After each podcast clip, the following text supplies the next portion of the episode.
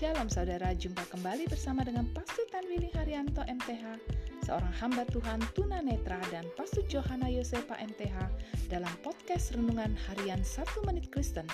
Di dalam podcast ini, kami membagikan kebenaran dari Alkitab yang dimulai dari kitab kejadian sampai kitab Wahyu.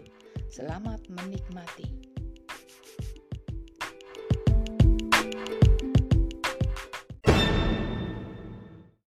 Shalom saudara berharga di mata Tuhan, senang dapat jumpa dengan saudara. Hari ini firman Allah mau mengingatkan kita ada mana yang sanggup memuaskan hidup kita.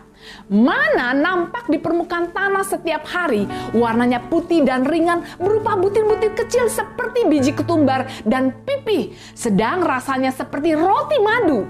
Orang-orang mengumpulkannya seperti mengumpulkan gandum dan membuatnya menjadi makanan bagi mereka setiap hari.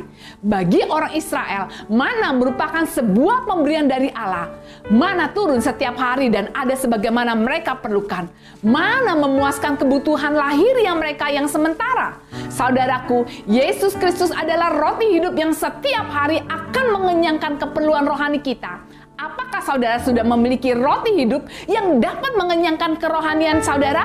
Berikanlah waktu untuk mengambil roti hidup setiap hari sehingga kita dapat hidup dan bertumbuh. Untuk itu, ambillah dan makanlah roti hidup. Amin.